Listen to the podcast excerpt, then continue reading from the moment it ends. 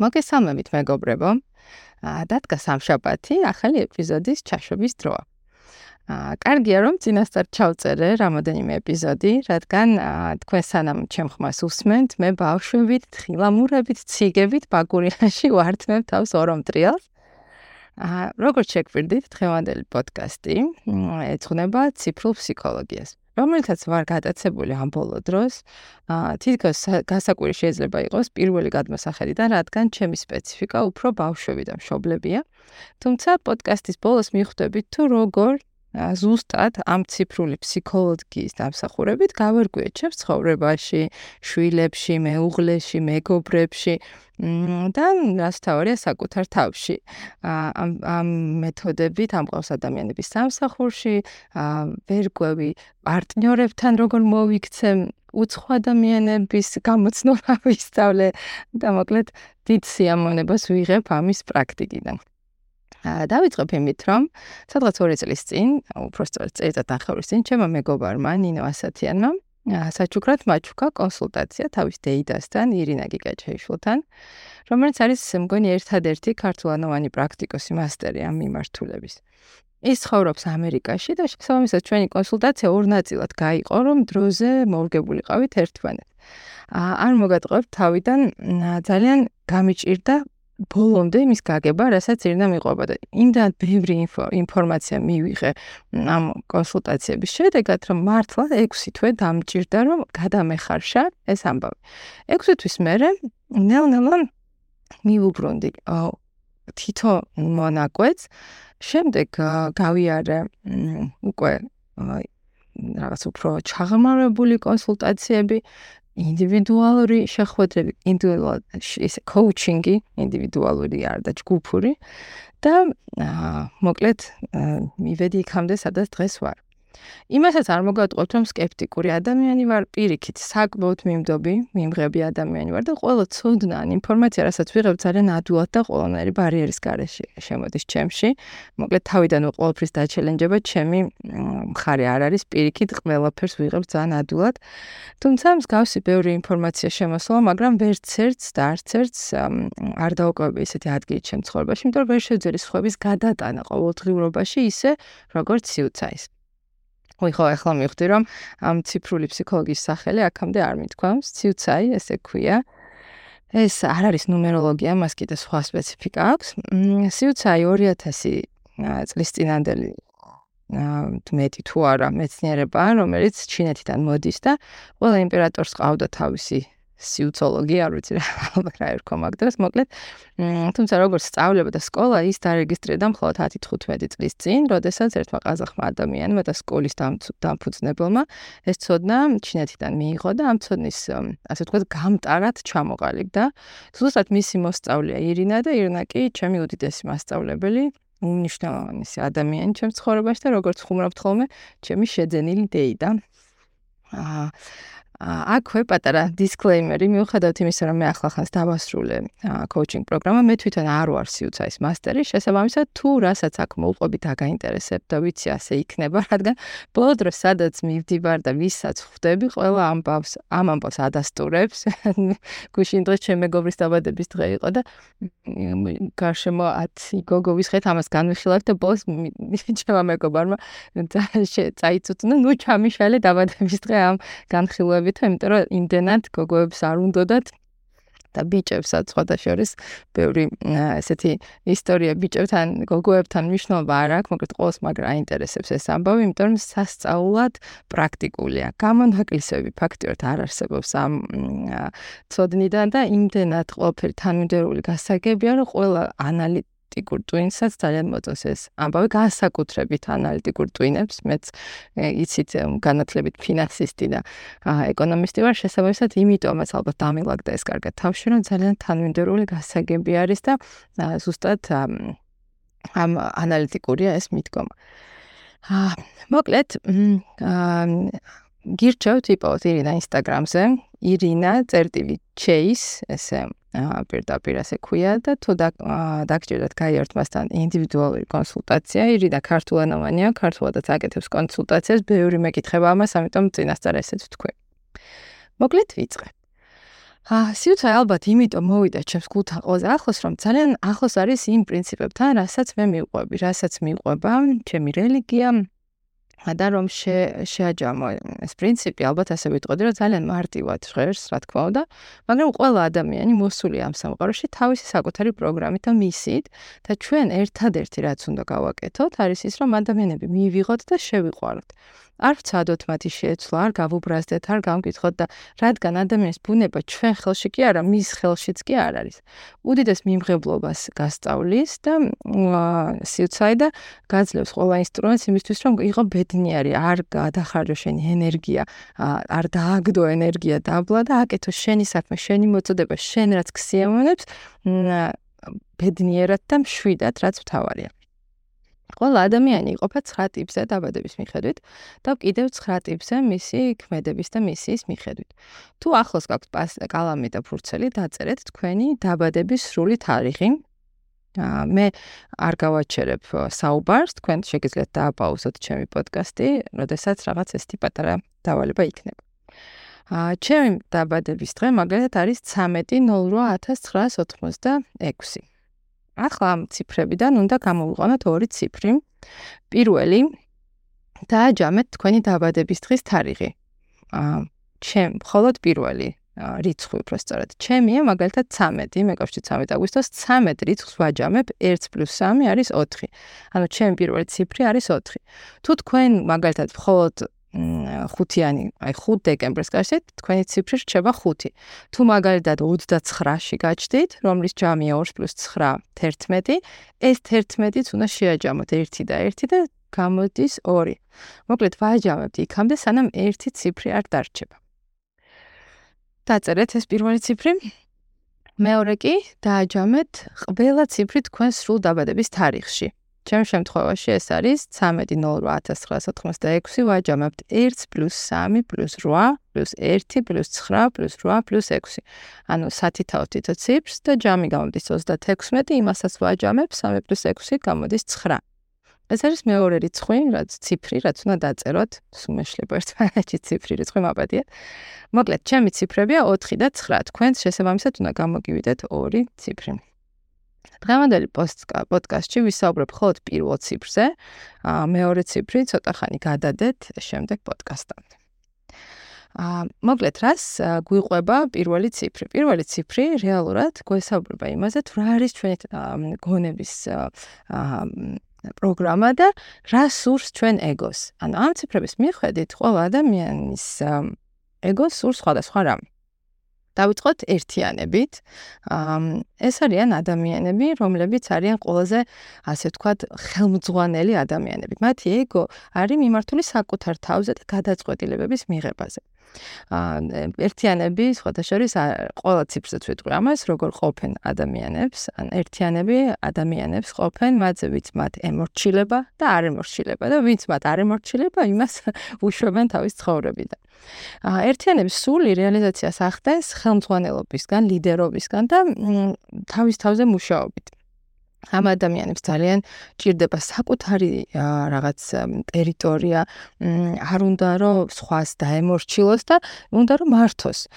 ძალიან ისეთი სტრატეგიული გონება აქვს ერთიანს, ყოველ ბევრი რაღაცის დანახვა შეუძლია და ზემოდან უყურებს სიტუაციას. ასე ვთქვათ, მატარებლის პირველი ვაგონი არის, რომელიც მიდის და უკან უკან მოყავს სხვა ადამიანები, ის ხშირად ფარველობს ამ ადამიანებს, ვისაც ამ თავის ვიც მათ მოკლედ მაგას ემორჩილება თუ მიყვება, მოკლედ ვიც ესე თეთრ სიაში ყავს მათ ფარველობს.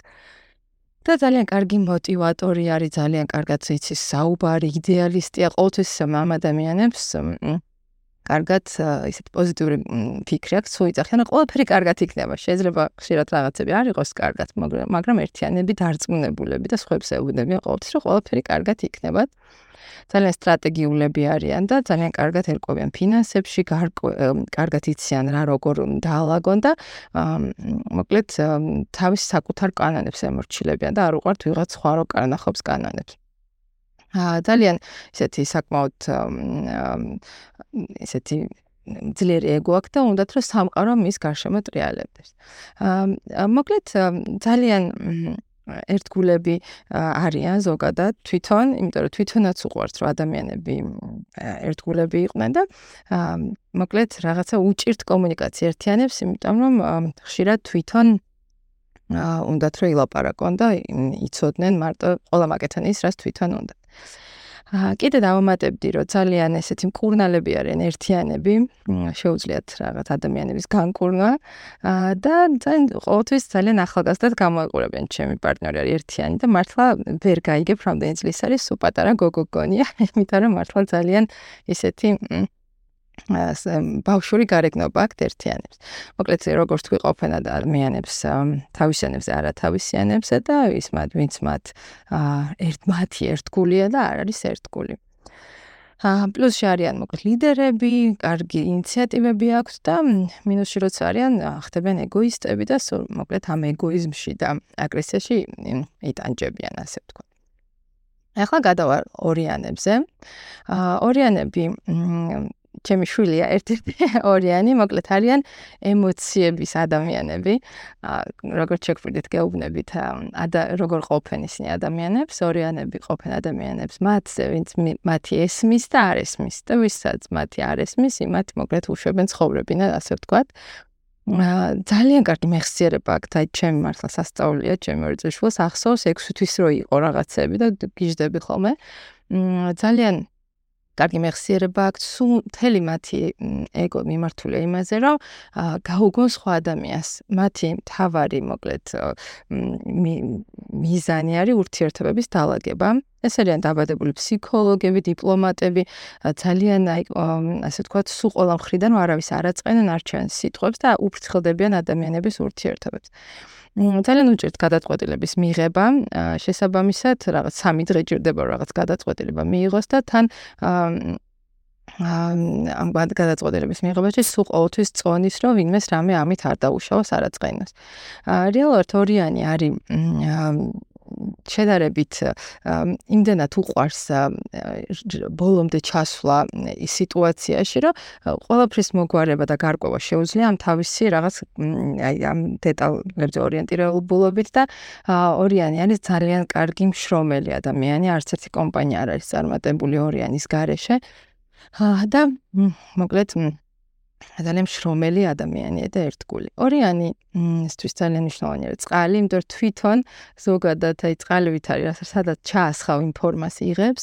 ძალიან კარგი ამათვის რაღაცა წყალთან ურთიერთობა, წყალთან შვიდებიან, ცურვა, წყალთან სეირნობა, ვიცი, მოკლედ მნიშვნელოვანია მოკლედ ეს წყალთან ურთიერთობა.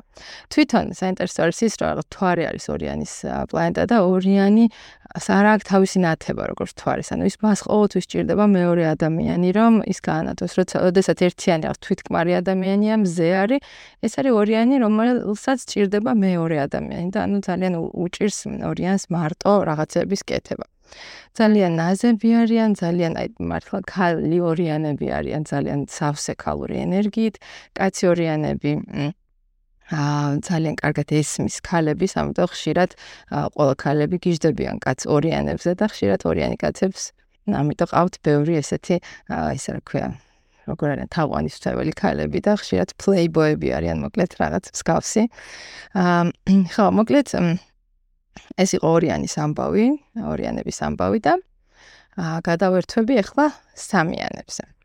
სამიანები არიან ადამიანები, რომლებიც მთელი მათი ეგო არის მიმართული ანალიზზე, მართვაზე და ზრუნვაზე. და ზოგადად მათი სულის რეალიზაცია ხდება, როდესაც სხვა ადამიანს მიმართავენ სხვადასხვა მიმართულებებით.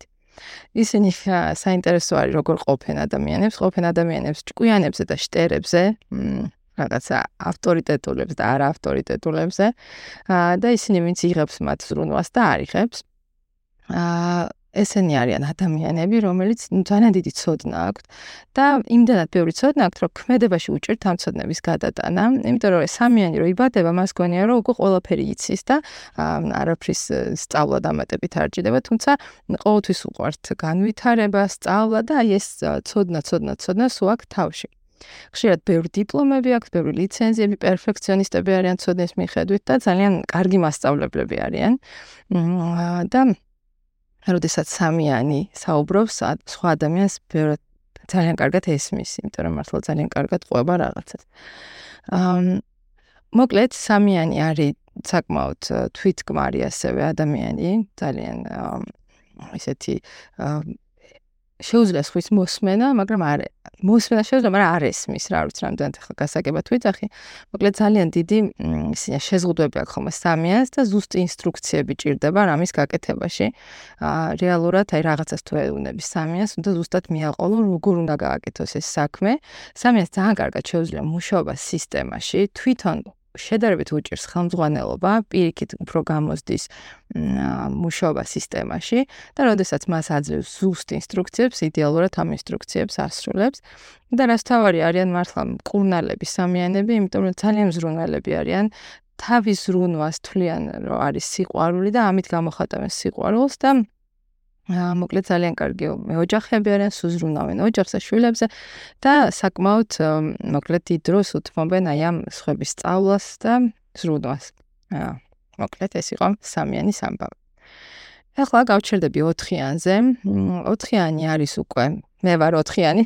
მოკლედ თან თან ისე რა მაგასაც გეტყვით ჩემზე როგორ რეალისტება ეს ამბავი და ძალიან საინტერესოა. რამდენად ახლოს არის რეალობასთან.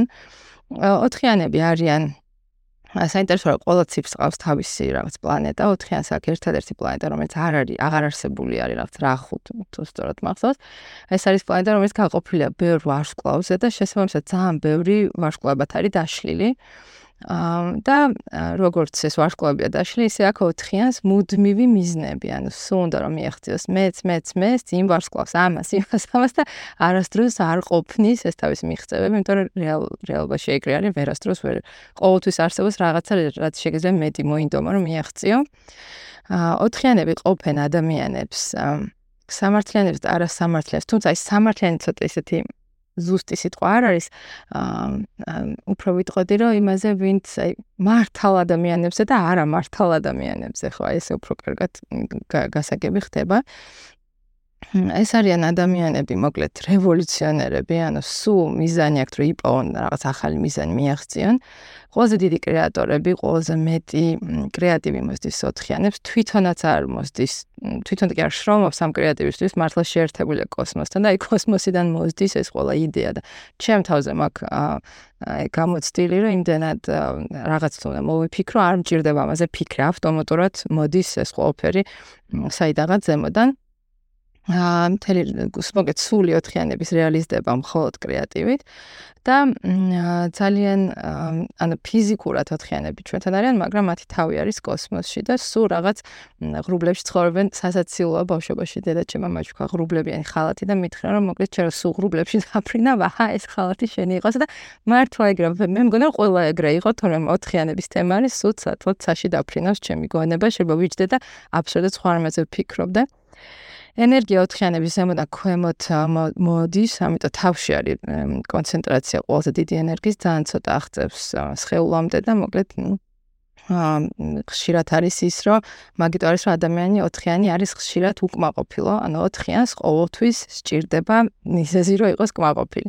ამიტომ თუ ოთხიანები მისმენთ, ანუ ეს არის კატეგორია ადამიანის, ვინც უნდა ისწავლონ ყოველდღე გახარება. ანუ ფაქტობრივად აი რომ ვიღვიძებთ ოთხიანებმა, უნდა გვიხაროდეს რომ ზეანათებს, რომ ყველა ჯანმრთელად არის, რომ ზაფხული მალე იქნება. მოკლედ ერთადერთი დავალება არის ოპტიმისტის ოპტიმისტის ხერხს მიადგეს ოთხიანი და ყოველთვის ყველაფერში ეძებოს რაღაც რისთვისაც იქნება კმაყოფილი. რაც არის მნიშვნელოვანი კიდე ოთხიანზე დავამატებდი არის რომ სხვადასხვა ოთხიანები არიან ძალიან კარგი მწერლები და პუბლიცისტები აქედან მოდის ჩემი გამომცემლობის ამბავით ფაქტიურად და არიან ყველაზე დიდი დამანგრეველი ციფრები. ანუ რა მინდა თქვა, ოთხიანი არის ციფრი, რომელსაც შეუძლია რომ თვითონ დაანგრიოს თავისი თავი და შეიძლება დაანგრიოს ურთიერთობა, კომპანია, ყველაფერი, მოკლედ, როდესაც არის მინუსში ოთხიანი ერთი დიდი რაღაც ანთებული ცეცხლიანი ბურთი არის და შეიძლება ყველაფერი გაიტანოს ეგრე მოხდეს. 4-იანი არის არამატერიალური ციფრი, ამათვის 4-იანებისთვის მნიშვნელოვანია მიზანი და არა ფული. ადამიანებს ყოფს, როგორც თქვი, მოკლედ მართალ და არამართალ ადამიანებს, ანუ არ უყურს ვიღაცები რო იტყუებიან რაღაცებს, რაღაცებს, ასე ვთქვათ, ზურგს უკან აკეთებენ, მოკლედ ან პირდაპირები არიან და ქმედებიან არაქმედებიანებს. რაც შეეხება ხუთიანებს, ხუთიანები არიან, მოკლედ ხუთიანები ყოფენ ადამიანებს, მაგით დავიწყებ ლოგიკურებზე და არალოგიკურებზე, ანუ დაალაგებულებზე და არადაალაგებულებზე. ხუთიანების განვითარება არის მიმართული, მოკლედ ლოგიკაზე და სისწორეზე, მათი სული რეალისტება, ტექნიკური ინტელექტი და რაციონალური მიდგომით საქმეებთან. მათი აქ იდეალური ლოგიკა, ანუ სულ ყოველთვის რაღაც ლოგიკურად აალაგებენ ყველაფერს და თუ ლოგიკას რამე ეწინააღმდეგება, შეიძლება ხუთიანი გაგიშდეს. ხუთი ხუთიანი ძალიან ესეთი კარგი მოლაპარაკე არის. აი თქვენ გარშემო დააკვირდეთ, ვინც ყველაზე მეტს ლაპარაკობს, საერთოდ ხუთიანი იქნება. ხუთიანი ესე პირით ლაპარაკობს რაღაც ძალიან აა შემქმნელი ასე ვთქვათ და მოკლედ ყოფს ეს ხუთიანი ძახის უნდა ჩაიწერო. ესენი არიან ადამიანები, კამელეონები, შეიძლება ადამიანის პირისპირ დაждდეს და ნახევარ საათში მისი ტექსტებით, ფრაზებით და ჟესტებით დაიწყოს საუბარი, იმდენად შეუძლია ამის გადამოტანა და შესაბამისად, იმიტომ არის ეგეთი წარმატებული კომუნიკაციაში და ხუთიან შეუძლია ნებისმიერ ადამიანთან და იპოვოს საერთო სასაუბრო თემა და მოკლედ ძალიან ძლიერი არის კომუნიკაციაში. რაც არის მნიშვნელოვანი არის ის, რომ ხუთიანები აქ ძალიან ბავშურის გული, ანუ ძალიან მალე წინთ რაღაცეები იმიტომ რომ ძალიან ესეთი ფაიფურის გული აქვს ასე ვთქვათ.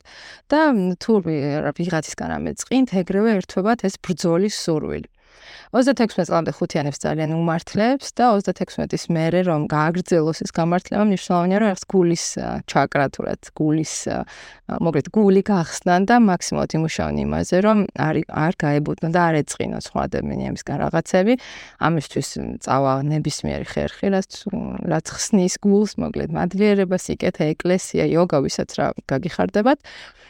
და აა მოკლედ ეს არის მნიშვნელოვანი. ძალიან მნიშვნელოვანი ხუთიანისთვის თავისუფლება არ შეუძლია შეზღუდვა, შეზღუდული რო იყოს და ხუთიანი ამრავლებს ყველაფერს. იმ დღეს ირაყვებოდა რომ შეხვდა ერთი ადამიანი კახელი, რომელიც უყვებოდა რომ აი მე 6 ტრაქტორი ვიყიდე, მე 7 და ირა რო ეკითხება რომ რისთვის გინდა ეს ტრაქტორი? პასუხი არ ვიცი, უბრალოდ მინდა რომ ბევრი მქონდეს. მოკლედ ხუთიანებს ამრავლებენ შვილებს, ბიზნესებს, ტრაქტორებს, სახლებს და სულ ამ გამრავლებაში არიან.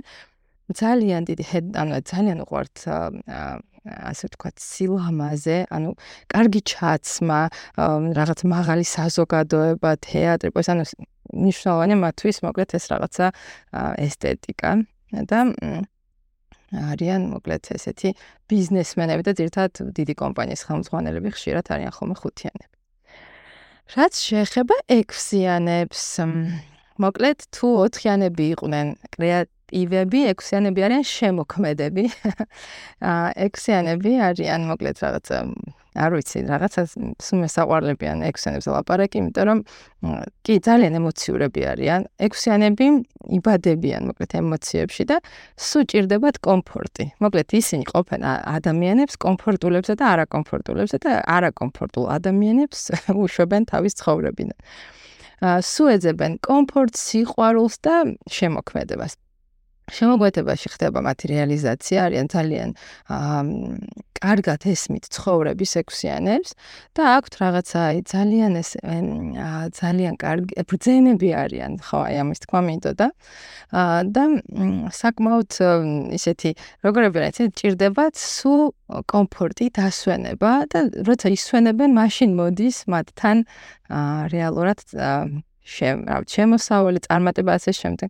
იმ დღეს ჩემ მეგობრებს რო უყვებოდი რომ უნდა დაწვე ექვსიანი თუ ხარ და ისე მოვა შენთან წარმატება იყო ძალიან ბედნიერი იმიტომ რომ იძახდა რომ როგორ განვარგან თურმე და სუწოლა მინდა და არასდროს მოკლედ მაგას არ ვაკეთებ და მართლა ექვსიანები უნდა იწვენ და ისვენონ და ექვსიანი არის ძალიან რაც მოწონს და თუ რამე საქმე მოწონს იმაში არის ძალიან მაგარი სულ ფიქრებში არის და აკეთებს მუშაობს გიჟივით როგორც კი აღარ მოწონს საერთოდ ანებებს ამ ამას თავს ანუ ნიშნავენ ექვსიანისთვის რომ სულ მოწონდეს რასაც აკეთებს და ძალიან უჭირს მოკლედ იმ სფეროში მუშაობა რომელიც სიამონებას არ ანიჭებს. აა მოკლედ ნიშნავენი არის ის რომ სულ ექვსიანების სამყაროში არიან ყველაზე მცირე რაოდენობით, თუ 6% არის და მართლა რამდენი ესეთ კურსზე ვიყავი ამ ციფრული ფსიქოლოგიის, რომ ვიძახდით, რომ ხელი აწიეთ 6-იანების, სულ დარბაზის მართლა უმცირესობა კი არა, აი ძალიან ცოტა ადამიანი შეხდა ხოლმე დარბაზში, აი 50 კაციდან ერთი გოგო ყავდა მაგალითად წინა სემინარზე. და ძალიან მაგრამ ნუ იმდენად დიდი ენერგია აქვს ექვსიანებს და ისეთი ქარიზმატულები არიან რომ ეგრევე ძალიან კარგად ჩანან. კარგი იქნება რომ გულთან ახლოს ექვსიანებს ეკიდოთ ბრილიანტი, იმიტომ რომ რაღაც მოაქვს რაღაც წარმატება მაგისთვის და არიან უკმაყოფილები ექვსიანებიც და ხანდახან მაგის გამო მოკლედ იტანჯებიან და მნიშვნელოვანი რაც არის ექვსიანებისთვის მოკლედ ძალიან ბევრ დროს ხარჯავენ. ცოტა აი ხუთიანებით არა მაგრამ ექვსიანებსაც აქვთ აი ეს რაღაც ბუტის ნაწილი ვიღაცამ რაღაც თუ გაუკეთათ, გონიათ რომ მათ პირადად გაუკეთა და ექვსიანი მის მაგივრად რომ აკეთოს ეს თავისი შემოქმედება და სხვა რაღაცით იყოს დაკავებული, ტვინში ზის და ადგენს სქემებს, რომ როგორ გადაუხადოს სამაგირო იმას, ის რომ ვერ გადაიგო გაიგოს იმან რომ ამან გადაუხადა და მოკლედ აი ამ სქემებში და ტვინში ალაგებს იმ და რაღაცას რა რომ მიხედოს რეალურად შემოქმედებას და იმას რაც მოწონს და სიამოვნებას ანიჭებს, ბევრთ უფრო წარმატებული იქნება. ექვსიანი. ექვსიანები არიან ცოტა კანონის დამრღვევები, ანუ ოთხიანი თუ არის, რომელიც არასდროს კანონს არ არღვევს, ექვსიანები არიან ისეთები, რომლებსაც შეუძლიათ აი რაღაც ისეთი სქემების მოფიქრება, რომ ყველაფერი მოაგვარონ რაღაცნაირად სხვანაირად. მოგეთ ეს არის ექვსიანები. ო, ეხლა მოდის 7-იანი, საკმაოდ ჩემთვის ყველაზე რთულად ისე, ანუ ალბათ აღსახწერი არის 7-იანები, იმიტომ რომ სხვა ციფრები ასე თუ ისე ერთმანეთს ეგრევე ვცნობ ხოლმე, 7-იანებს ვერ ვცნობ მართლა, ანუ სხვა ციფრებზე ზუსტად ვიცი ხოლმე. აი ეს 6-იანი, ეს 3. 7-იანი არის ერთ-ერთი, რომელსაც ვერ ვარყავ, იმიტომ რომ ბოლომდე ვერ გავიგე მისი სრული დახასიათება, მაინც ესე მოგიყვებით თქვენ გამოგადგებათ. ეს არიან ადამიანები, რომლებიც არიან მართლა ყველაზე გენიალური ხალხი, მათი გონება კოსმოსში თუ არის ოთხიანი, ესენი სხვა განზომილებიდან არიან საერთოდ. შესაბამისად, მათი ეგო არის მიმართული, რომ აა სხვებმა დაინახონ მათი ქმედებები. იმდენად სხვა სამყაროდან და განზომილებიდან არიან, რომ ყოველდღე მათ ჭირდება დასტური, რომ ისინი არ სწორ რაღაცას შვებენ, იმიტომ არა რომ რაღაც მოდმივად ჭირდება თავის ან მართლა ქება ჭირდებათ რომ მიხვდნენ რომ სწორად აკეთებენ რაღაცას. აა შვიდიანი სული რეალიზდება იოგით, იოგა შვიდიანებისთვის ძალიან მნიშვნელოვანი არის. აა და მე მგონი იოგა ვინც დაარსა ისე შვიდიანი იყო თუ არ მეშლება. აა მოგდეთ შვიდიანი მოსულია იმისთვის რომ ადამიანის ტრანსფორმაცია მოახდინოს, არიან საუკეთესო კრიზის მენეჯერები. ოჯახში თუ ყავთ შვიდიანები, ტყუილა არ ყავთ, რაღაცისთვის მოვიდნენ თქვენთან, რომ რაღაცა გასწავლონ. მუდმივად არის რაღაც ძიებაში, რომ რატო, ვინ ვარ მე რას ვაკეთებ, ყველაფერი უნდა რომ გაიგოს. აქვს სასწაული ინტუიცია და მართლა არის ყველაზე ერთ-ერთი გენიალური ადამიანი. ძალიან დიდი ქარიზმა და ძალიან დიდი ენერგია ამ ადამიანში და დიდი ეგოიზმი, ანუ თავის მაგივრად დიდი ვარსკვლავი აქვს თავში და იმდენად ნიშნავენ მათთვის რომ საზოგადოებამ ის მიიღოს რომ აი შეიძლება ჩემჩნევი რომ ძალიან ბევრი ბლოგერი არის შვიდიანი იმიტომ რომ აი ამ თავის ბლოგებით ცდილობენ ან პოლიტიკოსები ან ვარსკვლავი რაღაც იმიტომ რომ უნდათ რომ აი ამ სიყვარულით და ქებით და აღიარებით ისინი ხდებიან ბედნიერები მაგრამ პერფექციონიზმი აქვს ჩადებული, ყველაფერი უნდა თქო იდეალურად გააკეთონ და არ შეუძლიათ აი სხვაში აღიარება ამ რაღაც არაიდეალურობის და შეიძლება მაგიტო კარგავენ ადამიანებს. ესენი ოთხიანის განსხვავებით ქვემოდან იმათთან თავიდან ქვემოთ მოდის ენერგია, ამათგან სხეულიდან ზემოთ, ამიტომ ზემოთ აღწევს მარტო 3% და შესაბამისად ეგ არის ნიშნავენ 7-ას აქვს 7 რაღაც 7 მხრიდან იცავს 7-იანს სამყარო და მნიშვნელოვანი არის ის, რომ ძალიან მოკლედ მაგკუთხით ჯანმრთელი არის და არის ესეთი ფენიქსი, რომელიც თვითონვე იწყობს თავის თავს და თვითონვე აღდგება ხოლმე. აა ფენიქსივით. ხო, მოკლედ ეს არის შვიდიანები. შვიდიანები ყოფენ ადამიანებს სულიერებზე, არასულიერებზე. აა მოკლედ შვიდიანს არ აქვს შუალედი, ან ძალიან მაღლა აგაფრენს, ან დაბლად ჩამოგაგდებს, თვითონ მაღლა აფრინდება, ან მაღლა ჩამოგაგდებს და პლუსი რაც აქვს, რომ ძალიან დიდი რეალიზაცია იდეების და საუკეთესო კრიზის მენეჯერები არიან შვიდიანები. ეხლა მოდის რუიანი. თუ ჯერ კიდე არ დაიღალეთ, ცოტაღა დაგვრჩა. რუიანები, მოკლედ, მათი ეგო არის მიმართული იმაზე, რომ აკონტროლონ მატერიალური სამყარო და შედეგები. მათი სული რეალიზდება შრომით და ძლიერი შრომით და რაც უფრო მეც შრომობენ, თვლიან, რომ უფრო ნათელია მათი გონება. რუენი ძალიან რეალისტია და რეალურად რუიანს აინტერესებს საბოლოო შედეგი. თუ ვერ ხედავს საბოლოო შედეგს, ისე არ უნდა მუშაობა თვითონ და ძალიან კაი ინტუიცია აქვს კონკრეტულად ფულზე და მატერიალურ სარგებლზე. და ადამიანებს ყოფენ შედეგიანზე, არა შედეგიანზე, ყოფენ იმ ისეთზე, ვისაც შემოსავალი აქვს, არა შემოსავალი, თუდად არ შეხედოთ ამას, ანუ მათთვის უბრალოდ ვერ წარმოუდგენიათ, როგორ შეიძლება ადამიანი თუ შრომობს, არ კონდეს შემოსავალი, ანუ აირვიანი ესე არის მოწყობილი რა.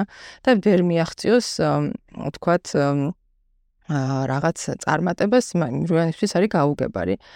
რუიანები არიან ძალიან კარგი ხელმძღვანელები და თან თვითონ ძალიან კარგად მუშაობენ, ანუ ორივე ერთად, მაგრამ ძალიან უჭირთ დელეგირება საქმეების და იმიტომ რომ დაბადი თავიდანვე არენდობიან ადამიანებს და სულ აკონტროლებენ, აი დელეგირებენ, მაგრამ მაინც აკონტროლებენ ამ ადამიანებს, თორე გონებას უნდა რომ ყველაფერი აკონტროლოს და აი ამ ხშირი კონტროლის გამო ეღლებათ მალე თავი და მოკლედ გონება თავისუფალი არასდროს არ აქვს. მნიშვნელოვანი არის ის, რომ მოკლედ რუიანისთვის მნიშვნელოვანია რომ მიყვეს კანონს წეს, არ უნდა დაარღვიოს რაღაცა, არ უნდა დალიოს, აიღოს დიდი სესხები გაუგებარი. ანუ რუიანი არის ძალიან ისეთი წესრიგიანი, მოწესრიგებული ადამიანი თვითონ არ უნდა რუიანებს შეცვლა, მაგრამ სხვების შეცვლა უნდა ყველაფერში. და კიდე რაც არის მნიშვნელოვანი, ესენს თქვით თქვით კმარები არიან და აა მოწონთ, მოკლედ რეალურად რუიანი არის ისეთი, რომელიც უნდა ისწავლოს, რომ ის სიამონოს რაღაც შედეგისგან თავისი შრომის და არა მარტო შრომისგან. მოკლედ ეს მინდოდა მეთქვა. და ბოლო დარჩა ცხრიანი, ეს არიან ადამიანები, რომლებიც ძალიან ესეც ემოციურები არიან, რომლებიც მოსულები არიან სამყაროში მსახურებისთვის. აა მსახურება მოგებით, ასე ვთქვათ. აა ეს არის წარმოედგინეთ მატარებლის ბოლო ვაგონი, ანუ მას 10% ყველა ციფრის აქვს ჩადებული შიგნით და ზოგადად როცა ხარ ბოლოში რაღაცა მაგიტო არის სურვილი ყველაფერი მოიგო და შენც აჩვენო რომ შენც რაღაც კენი გააკეთე შეგიძლია. ძალიან დინამიურები არიან მართლა მებრძოლის სული აქვს ხრიანს მოვედი დავინახე მოვიგე არის მათი დევიზი და ანუ მათთვის მნიშვნელოვანი არის ზუსტად აი ეს მოგება ვანთ აი იმ პრიზმით რომ ეს უნდა იყოს სახურება. აა მოკლედ მნიშვნელოვანი არის ის რომ იცავენ სხვა ადამიანებს რომლებიც უფრო სუსტები არიან ძალიან სამართლიანები არიან. და კიდე რასაკეთებენ ცხიანები მოკლედ თუ იდეა აქვთ რაღაც თავში ეგრევე აი თებს გადადგავენ ამ იდეას რეალობად აქცევენ. აა ნიშნულოვანია ძალიან ცხრიან შვიდიანებისთვის იყო ნიშნულოვანი შექება როგორც გახსოვთ ცხრიანისთვის ძალიან ნიშნულოვანი არის მადლიერება. ანუ ადამიანებს ყოფენ მადლიერებზე და უმადურებზე. შესაბამისად თუ გარშემოყავთ ცხრიანები მათ აი რაც არ უნდა ცხრიანმა გაგიკეთონ ეცადეთ რომ ძალიან დიდი მადლობები გადაუხადოთ იმიტომ რომ ცხრიანი ისთვის ეგ ძალიან მნიშვნელოვანი მაგისტვის აკეთებს რომ რასაც აკეთებს. და ასევე ცხრიანს ხშირად გონია რომ თვითონ უფრო მეც აკეთებს ვიდრე სხვები ეს არის მნიშვნელოვანი მომენტი არის ხოლმე. და რეალურად ძალიან ზრუნველები არიან ასე ვთქვათ ყოველს ცდილობენ რომ რაღაც სამე სიკეთე გაუკეთონ. ძალიან უყვართ სისტემა ხშირად მუშაობენ რაღაც კორპორაციებში რაღაც სტრუქტურებში და მოკლედ ყოველს უკეთებენ სიკეთეს, მაგრამ თვითონაც ელოდებიან სიკეთეს უკან. ავანტურისტები ვთქვი, სიახლეები რო უყვართ ვთქვი და პრინციპში ცხრიანის დავასრულე. მოკლედ ახლა რაღაც ან გაიზარ რო უყურებ ქრონომეტრაჟს ძალიან შორს წავიდა ეს პოდკასტის წუთები, ამიტომ ნელა დავასრულებ.